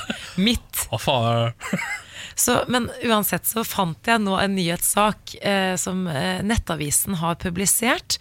Eh, de har publisert en uhøytidelig måling eh, for hva leserne For hvem leserne tror vinner 71 grader nord-kjendis. Ja. Og der går det jo an å stemme. Her Det er er det, altså eh, 7000 personer som har stemt. Jeg vil si det er relativt representativt for eh, samfunnet vårt. Ja. Og der har eh, Jeg kan bare si hvem som stakk av med seieren. Det er Thomas Alsgaard med 53% Ikke så overraskende. Så har du en uh, Ola Conny Valgren på andreplass med 15 ja, Vi skal ganske seig type, skjønner du. Ja, Ja, glad i å gå i fjellet, og han kan gå langt. Ja. bra fysikk. Ja. Så har vi da Silje Norendal på en tredjeplass. Og så ja. har du da Niklas Baarli på en delt sisteplass med 2% av stemmene. Hvem deler han sisteplassen med? Eh, Josef Ja, fra- og Mia Gundersen. Ja. Som er eh, på sin plass, kanskje. Ikke vet jeg. Men jeg vil bare si, eh, Niklas, eh, hvis du Altså, du hører jo kanskje ikke på, men, men jeg tenker på deg. Og jeg er redd for deg. Jeg syns det, det er litt komisk at Niklas folk har like mye tro på Niklas som på Mia Gundersen. Eh, Mia Ja. Gundersen er sånn dobbelt så gammel som, Niklas, som, som Niklas. Og Niklas er ikke spesielt dårlig trent heller. Det er bare det at man ser på det trynet så tenker man dette går ikke. Ikke vær redd Niklas for å be Thomas Alsgaard bære all bagasjen din. Han vil bare sette pris på det, så han får vist eh, nasjonen nok en gang uh, hvor bra mann han er. Dere, eh, Madonna får krass kritikk etter at hun holdt en tale hvor hun skulle egentlig hylle avdøde Aretha Franklin under MTV Music Awards natt til tirsdag. Hun snakket vel totalt i en seks-sju minutter, men sånn ca. seks-sju av de seks-sju minuttene hvor hun skulle hylle uh, Aretha Franklin, brukte hun på å hylle en annen artist som hun har satt pris på i mange, mange år, og det er ingen ringere enn seg selv. Eh, Vi kan høre litt av talen til Madonna. I left Detroit when I was 18, $35 in my pocket. I had no training or dreams of ever becoming a singer, but I went for it. I got cut and rejected from every audition. And then one day, a French disco sensation was looking for backup singers and dancers for his world tour. The dance audition went well. Then they asked me if I had Ok, sheet music Det er mulig hun har lest feil på den henvendelsen hun fikk fra MTV, eh, hvor hun leste om Ber de meg lese opp Wikipedia-artikkelen om meg? Ja, fordi dette her handler jo bare om henne. Det handler bare om henne. Og jeg vet at store stjerner har store egoer. Eh, De, det blir man ikke kvitt. Jeg vet ikke, det er litt sånn høna eller egget. Enten så blir du stor stjerne fordi du har stort ego, eller så får du stort ego fordi du har en stor stjerne. Jeg tror ikke vi kommer oss unna det.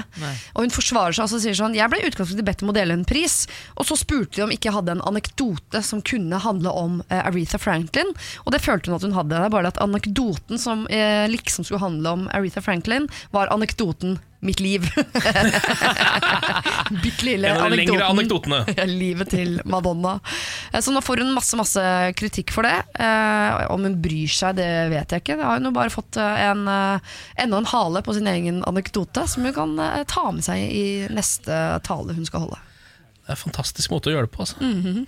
eh, nå en sak som jeg kjenner at eh, det, er ikke så, det er ikke så ofte jeg leser nyhetssaker som er sånn 'nå ble jeg opprørt', men denne saken her, nå ble jeg faktisk litt opprørt.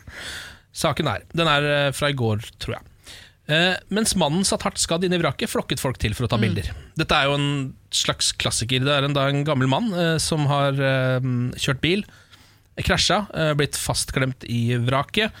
Og så uh, står jo politi og redningsmannskaper og sånn rundt og prøver å ordne opp i dette, mens det bare flokker seg til med enorme mengder folk som skal ta bilde av dette og legge det ut på Instagram og Snapchat og sende til vennene sine.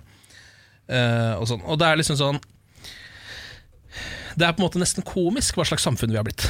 Ja. Jeg vet ikke helt hvor man skal begynne med dette. Jeg orker ikke på noen moralpreken på dette. eller noe, fordi det, eh, jeg, folk skjønner, Hvis ikke du skjønner dette, så kommer du aldri til å skjønne det, uansett om jeg står og hamrer det inn i hodet på deg med en hammer. Ja, for en ting er de som kjører sakte forbi der hvor det har vært en ulykke. For de kjører sakte forbi skal man jo, og da er det eh, De aller fleste vil jo vende blikket i retning ulykken. Det er nesten Det er, neste umulig. til, ja, det er nærmest et instinkt. Men Ja. her, altså eh, Førstemann på stedet, på ulykkesstedet her, måtte vise vekk en person som nærmest var inni bilen for Ja. å ta bilder av den skadde mannen. ja. Altså, Du kryper inn i bilen for å ta selfie med en eh, skadd Ja. 80 år gammel mann. Det høres ut som en episode av den serien Black Mirror, hvor Ja. de tar uh, stilling til slike problemer, hvordan samfunnet kommer til å bli. Eh, men det har, begynt, det har skjedd allerede. Mm. Ja, det har skjedd allerede. Det er ikke sånn, altså, de Black Mirror er jo virkeligheten nå, liksom. Eh, så det er bare mm, Skulle være sci-fi, ble dokumentar. Det, ja, ja. Mm. Jeg skulle ønske det var liksom en, eh, en Det her er jo også en Black Mirror-episode, men jeg skulle ønske det gikk an å skru over på en eller annen kanal, hvor man kunne se det alternative eh, historieløpet som hadde vært hvis vi ikke hadde hatt mobiltelefoner. Ja. Den verden tror jeg jeg ville levd i. Ja, helt enig med deg, Ken. Det er, vi er faktisk helt enige alle sammen. Ja, Vi er noen gamle, nydelige mennesker som sitter her i dette studio. Dette er morgen på Radio 1. Jeg skal jo fylle skoene til Niklas uh, Baarli Ja. uh, mens han er og, og går til seters for å gjøre seg uh, det motsatte av fet. Mm. Han er jo på 71 grader nord, og han har jo en del spalter i dette programmet som da har tilfalt meg. Ja. Eh, Du har, både å tidligere vært denne, du har jo tidligere vært Kim Kardashian denne uken, f.eks. En, eh, av mine- en av livets store høydepunkter for min del. Det var en av mine lavpunkter i livet, må jeg innrømme, men det er mulig vi går på en ny en her. For det er klart for lydrebus. Ja. Uh, Så jeg skal ved hjelp av egen munn Uh, lage tre lyder som skal gjøre at dere forstår hvilken nyhet jeg prøver å komme fram til. Men jeg vil gjerne fortelle til lytterne hvilken nyhet det er, og da må dere gå ut av rommet. Ja, for det er dere står og sånn det ser er. på meg i glassruta der. Gå ut, ja. Så skal jeg vinke på dere når dere kan komme inn igjen. Jeg har jo eh, Nå går de ut, og jeg vil samtidig benytte anledningen til å dele en hemmelighet med dere, og det er at det er Ken, altså Ken Vasenius Nilsen, som er den egentlige pappaen til barnet til Samantha Skogran. Eh, beklager å måtte bringe det til dere på denne måten, men det er altså Ken som er far til barnet. Ok, I eh, Nasjonen i dag, en avis eh, kanskje ikke hele Norge leser, så får vi nyheten om at eh, Landbruksdirektoratet venter 15 ganger flere søknader om erstatning enn normalt etter ekstremtørke. Altså Det er ventet 12 000 skadekrav etter en tørr, tørr sesong. Dette er en stor og kjent nyhet som jeg har tenkt å gjenskape ved hjelp av lyder med min egen munn. Jeg tror det kommer til å gå veldig, veldig bra. Da kan dere komme inn igjen. Jeg må ta ned den siden. Jeg tok seks-sju minutter om meg sjæl, og så en liten hyllest til Rita Franklin på slutten her. Tok en Madonna. Jeg tok en Madonna der. Ok, dere. Dere skal få tre lyder av meg, og til sammen skal dette da bli en uh, nyhetssak. og jeg kan allerede nå si at nyhetssaken har vært nevnt. Ok, kjør. Første uh, lyd er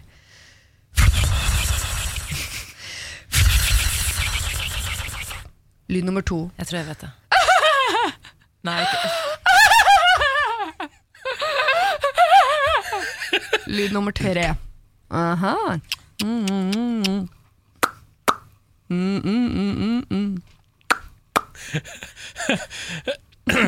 Den andre Altså, det var Eksorsisten. Ja. Nummer to var Eksorsisten.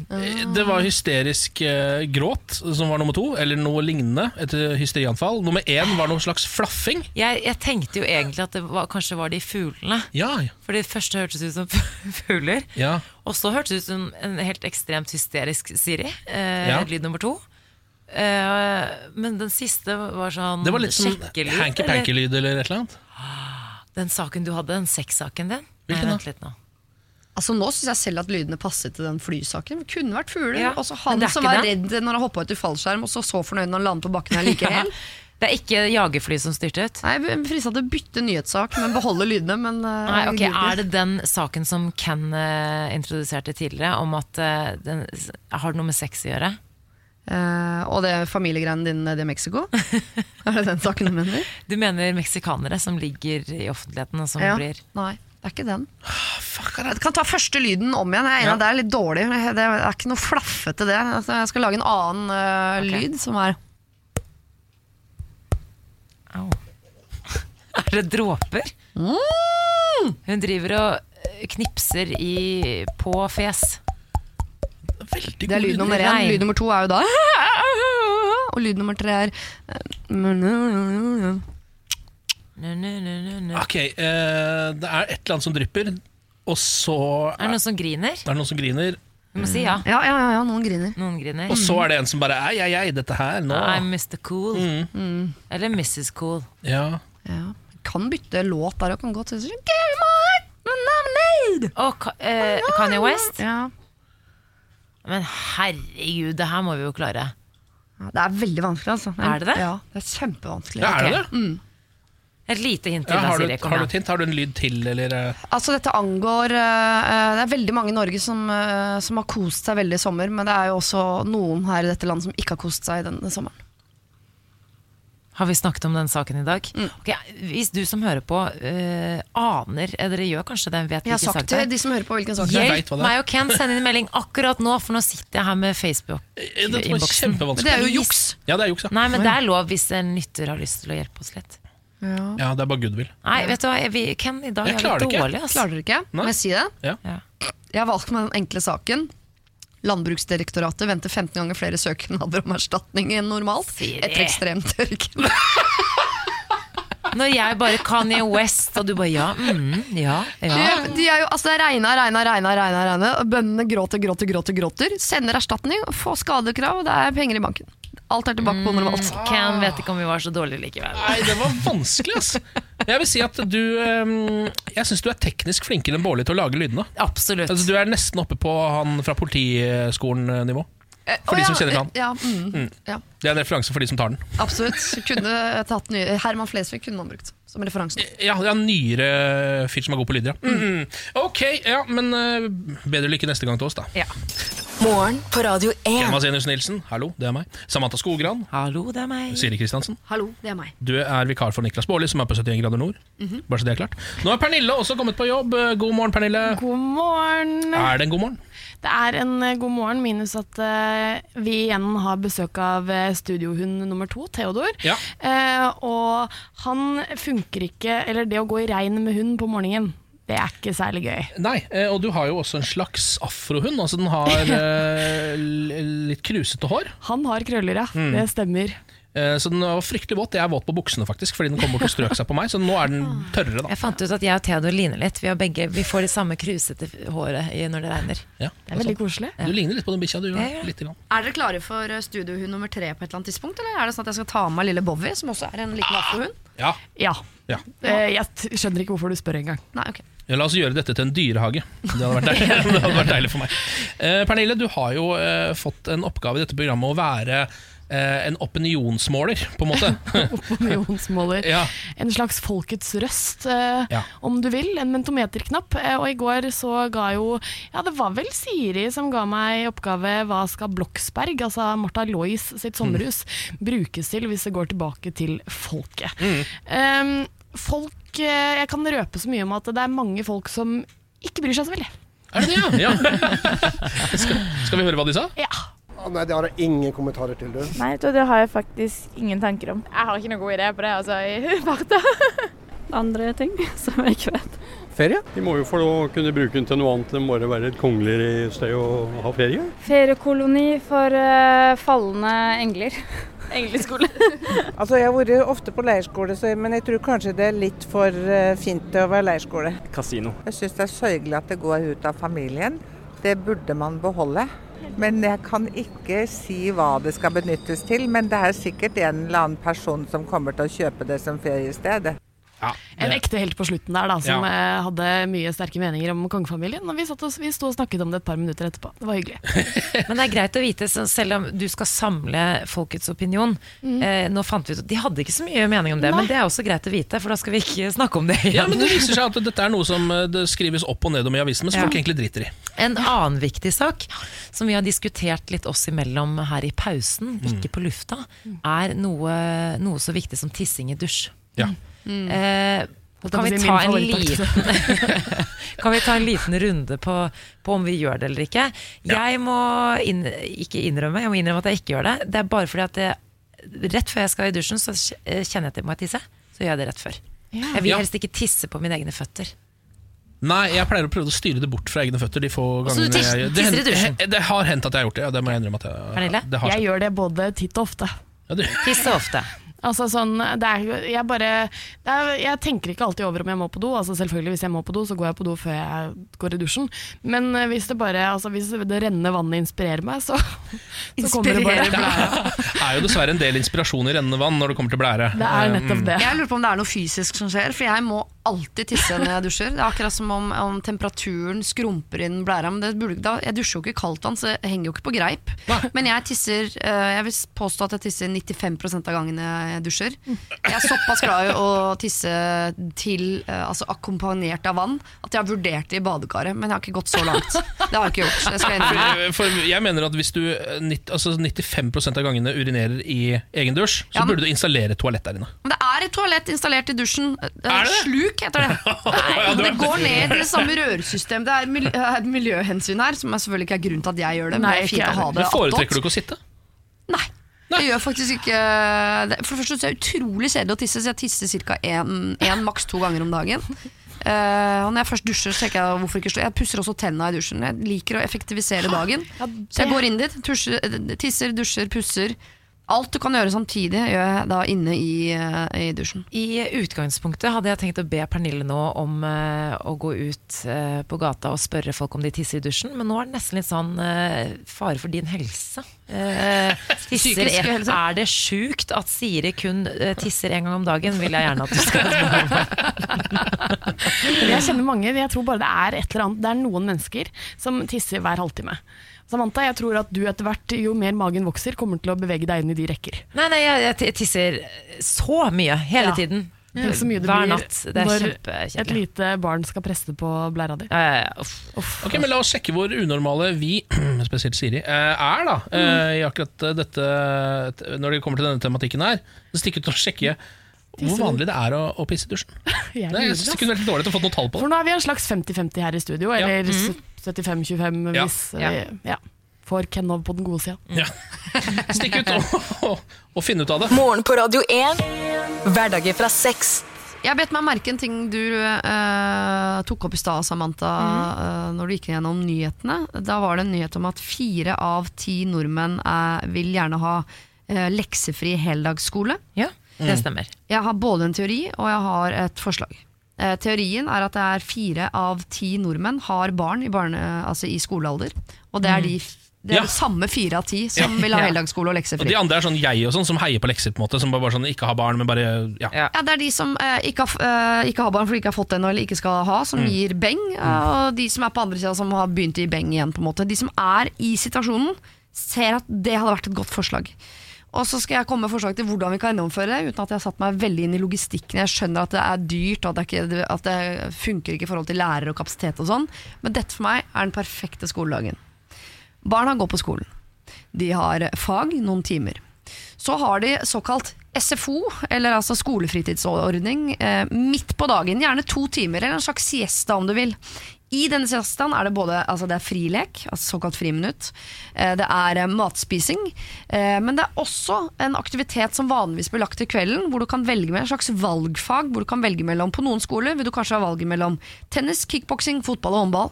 Andre skoler vil ha uh, svømming, minigolf og squash, eh, men de fleste vil, vil ha uh, håndball og fotball. Og, sånn at, og når du har gjort det i noen timer, så er det tilbake på skolebenken, repetere det du lærte tidligere på dagen. Så du har, fått, du har lært noe, du har repetert det, du har lekt, og du har vært på fotball- eller squashtrening etter hva hjertet ditt måtte begjære. Så når du kommer hjem da på ettermiddagen, så har du da de tre timene som er igjen av dagen før du skal legge deg, til å leke med de vennene du foretrekker å leke med, eller tilbringe tid med familien din, sånn at de kan minne deg på at de er glad i deg, ikke bare at du er i veien, og at de vil kjefte på deg, at de vil trykke mat inn i trynet ditt før de skal uh, henge over deg og kjefte deg i stykker mens du prøver å, å lære deg å lese, før de skal piske deg av gårde på en uh, fotballtrening hvor det regner, og som du egentlig ikke har um, rein nok shorts til å møte opp i. Hvor var du under Arendalsuka? Jeg var i Arendal. Og du var det? Du brukte tydeligvis ikke tiden der godt nok. Jeg tror ikke du la fram dette forslaget for noen av politikerne der. Men hva gjør, eh, og dette er ignorant fra meg, hva gjør de som jobber på SFO midt på dagen? Står de og kutter frukt? Eller hva eh, til Har de ikke senere på andre, dagen? andre annet jobb, da? Ja, men de har jo ofte 30 %-stillinger og sånn, og så er det noen av dem som er vikarer da, i tillegg. Så jeg bare tenker at eh, det Jeg skjønner at det blir dyrt, men folk er tilgjengelige, og man kunne hatt en hel dag der både barna sporter, har det gøy, lærer, repeterer, kommer hjem, kan kose med familien. Vet du hva, Jeg syns ikke det der er så dumt. jeg. Nei, Det er ikke heller. Det er litt sånn de, å ta på seg veldig mange ansvarsområder som også foreldre har i, per dags dato. Men det der med å kose og være med venner som du selv har valgt, den biten der liker jeg. Ja, ja, og jeg støtter forslaget. Jeg tror jeg hadde hatt en gladere oppvekst hvis det hadde vært sånn da jeg vokste opp. Og jeg tror eh, flere foreldre hadde holdt sammen og ikke skilt seg. Fordi de er, de er ikke egentlig lei hverandre, de er bare lei av å måtte kjefte hver uke. Så de går over på en 50 %-løsning. Det er genialt. det er genialt Dette er morgen på Radio 1. Ja, det var det. Da er podkasten over. Du må finne på noe annet å gjøre. Mm. That was that. Ja. In alphabetic order Så bare er jeg over på rulletekst jeg nå. Ken Vesinius Nilsen, Ja, takk for det. Samantha Skogran og Sir Christensen. Ja. Og eh, ikke Niklas Baarli, fordi han er jo på eh, tur. 71 grader nord, kjendisversjonen. Mm. Vi har begge vært med deg, Siri. Ga du noen tips til Niklas før han reiste? Nei. Nei. Det er ikke noe gøy hvis han veit hva han driver med. Det er helt jævlig, sa hun. Jeg burde ga han en sagt 'ikke vær deg sjæl'. Burde jeg sagt. Prøv å være Kurt Nilsen. Folk elsker han. Ja, det gjør de. ja, nei, jeg tror faktisk dette blir Jeg har, jeg har aldri sett på Kjendis 71 grader nord før. Jeg har sett på de originale 71 grader nordene. Eh, Men dette blir første gang jeg kommer til å se på det. Jeg kommer til å se, følge det med argusøyne når det kommer ut. Etter nyttår, da skal vi sitte der med popkorn og Da kan jeg drikke igjen! Da kan du drikke. Enda viktigere, egentlig. Da Ja, kan jeg drikke igjen. Mye, mye viktigere. Med på det. Ålreit, ha en fin dag. Du kan jo høre på oss eh, direkte i morgen 06.00, eller høre på podkasten som kommer ut litt seinere på dagen. Ha det.